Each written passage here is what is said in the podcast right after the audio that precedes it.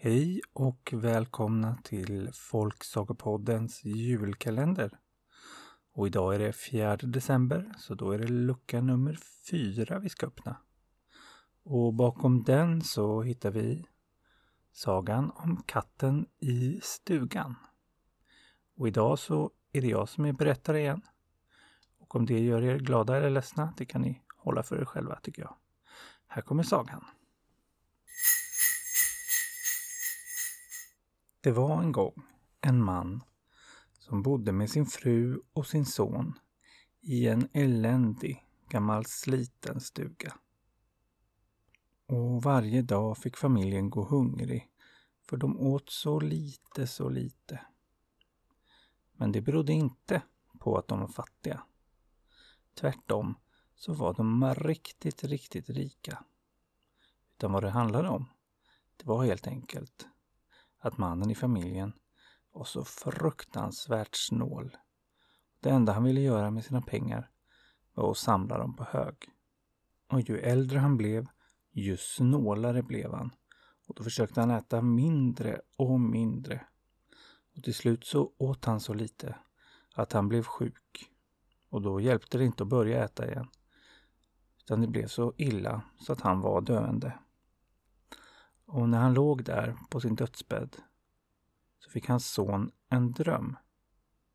I drömmen kom en man till sonen och sa Snart ska du ärva alla din pappas rikedomar.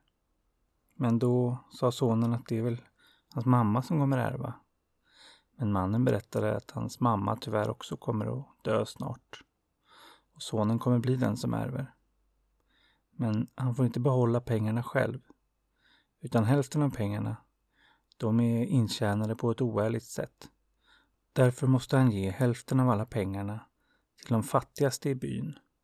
För det är de som har lidit mest av det oärliga sättet som hans pappa har tjänat pengarna på.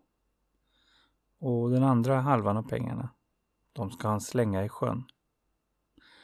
Inte en enda krona ska han behålla, utan han ska stå där och se allting sjunka. Men skulle någonting flyta upp, om så bara ett litet papper, då ska han ta det. För det är hans chans till lycka, sa mannen. Och så vaknade sonen.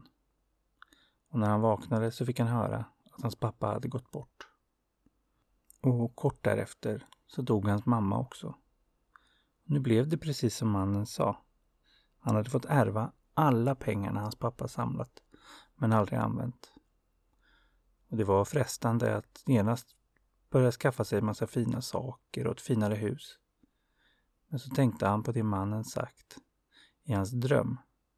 Mannen hade ju vetat att hans mamma skulle dö kort därefter. Och det var ju konstigt, för hon var ju fullt frisk innan dess. Så han förstod att det kanske var bäst att lyda mannen. Så han tog hälften av alla pengarna. Så begav han sig till de allra fattigaste kvarteren i byn och delade ut pengarna till de som bodde där. Sen tog han resten av pengarna och gav sig upp till sjön. Och där han visste att det var som djupast kastade han ut alla pengarna som var kvar. Och så såg han dem sjunka. Och han tänkte att det var väl ett slöseri och började ångra sig lite. För ingenting flöt heller upp. Men så plötsligt så flöt det upp en liten pappersbit. Så mannen simmade ut i sjön och fångade upp den. Uppe på stranden så fick han se att det var ett litet kuvert. Och i kuvertet så låg det sex små mynt. Och det var ju bättre än ingenting, tänkte mannen. Men det var väldigt lite. Så nu hade mannen ingenting. För den gamla stugan den var knappast värd något. Och de där sex små mynten kunde inte köpa mycket. Så han hade inget annat val än att ge sig ut på vägarna och se om han kunde hitta ett arbete. Eller kanske tigga till sig lite mat. Och han vandrade. Och när han hade vandrat en dag och det började bli kväll så knackade han på på en stuga för att se om han kunde få härberge där över natten. De som bodde där bjöd in honom och sa att han kunde få stanna där över natten och till och med få sig ett mål mat, helt gratis. Och det tyckte mannen var mycket glädjande. Men när han kom in där så fick han syn på ett konstigt litet djur som satt vid brasan och värmde sig. Han hade aldrig sett ett sådant djur förut.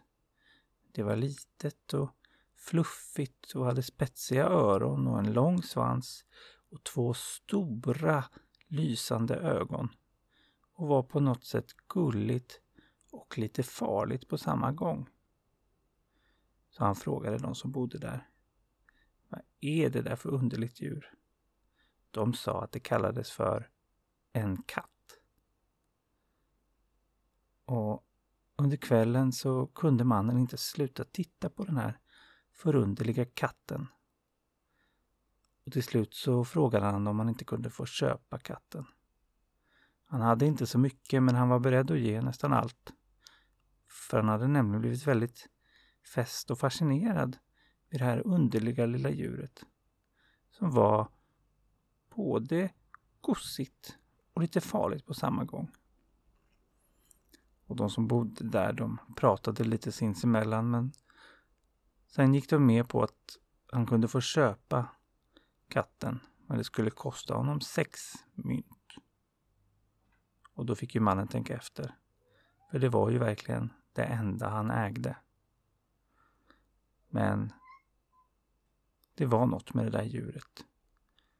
Och de där sex mynten skulle ju ändå inte ge så mycket annat. Så varför inte en katt? Så han köpte katten. Och morgonen efter begav han sig iväg ut på vägen igen med katten i sin väska. Och han vandrade den dagen och sökte ett arbete och sökte något att äta men det gick inte så bra. Och på kvällen så behövde han återigen någonstans att sova. Han stannade vid en ny stuga och knackade på och frågade om han inte kunde få sova över för natten fast han faktiskt inte kunde betala någonting. Och de som bodde där sa att det kunde han faktiskt få. Och han blev återigen glad över hur givmilda människor det fanns. Han hade ju själv inte växt upp med någon speciellt givmild pappa. Och de som bodde där var också mycket fascinerade över hans katt. De hade heller aldrig sett ett sådant djur. På kvällen berättade mannen för de som bodde där sitt livs historia och hur han nu var utan någonting alls och behövde sig ett arbete eller något att göra. Och de lyssnade medan katten hoppade runt mellan deras knän och lät sig bli klappad och spann. Och en av dem som bodde där gav mannen rådet att bege sig till kungen, som fanns inte särskilt långt därifrån. Det var nämligen en väldigt klok och god kung som brydde sig mycket om alla sina undersåtar, även de allra fattigaste. Och han skulle säkert kunna ge råd om vad mannen skulle kunna göra och hjälpa honom på vägen. Så morgonen efter så tackade mannen så mycket och begav sig iväg med sin katt mot slottet där kungen bodde. Och när han kom dit knackade han på och bad om att få träffa kungen. Och till sin förvåning så fick han faktiskt det. Kungen satt och åt lunch och mannen blev ledd in i hans stora matsal där han satt och åt en massa godsaker med sin fru drottningen och sina barn och lite hovfolk.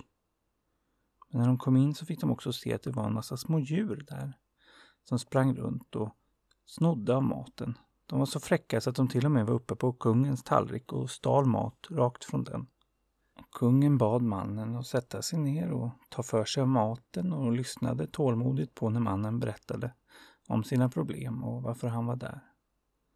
Men när han hade berättat klart så sa kungen att han gärna hade velat hjälpa honom men att han själv hade stora problem just nu med alla de råttor som bodde på slottet.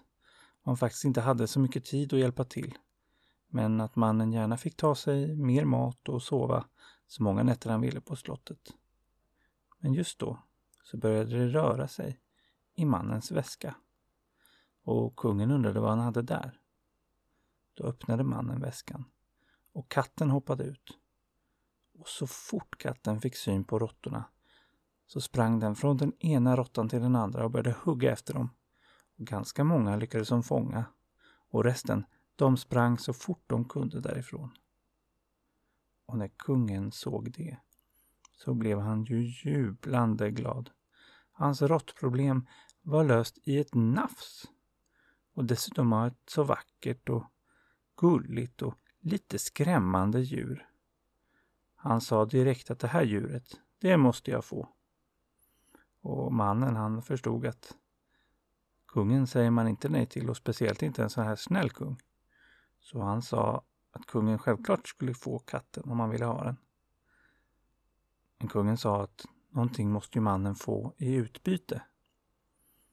Och genast så erbjöd kungen honom att antingen bli premiärminister med flott bostad och tjänstefolk och ganska mycket makt.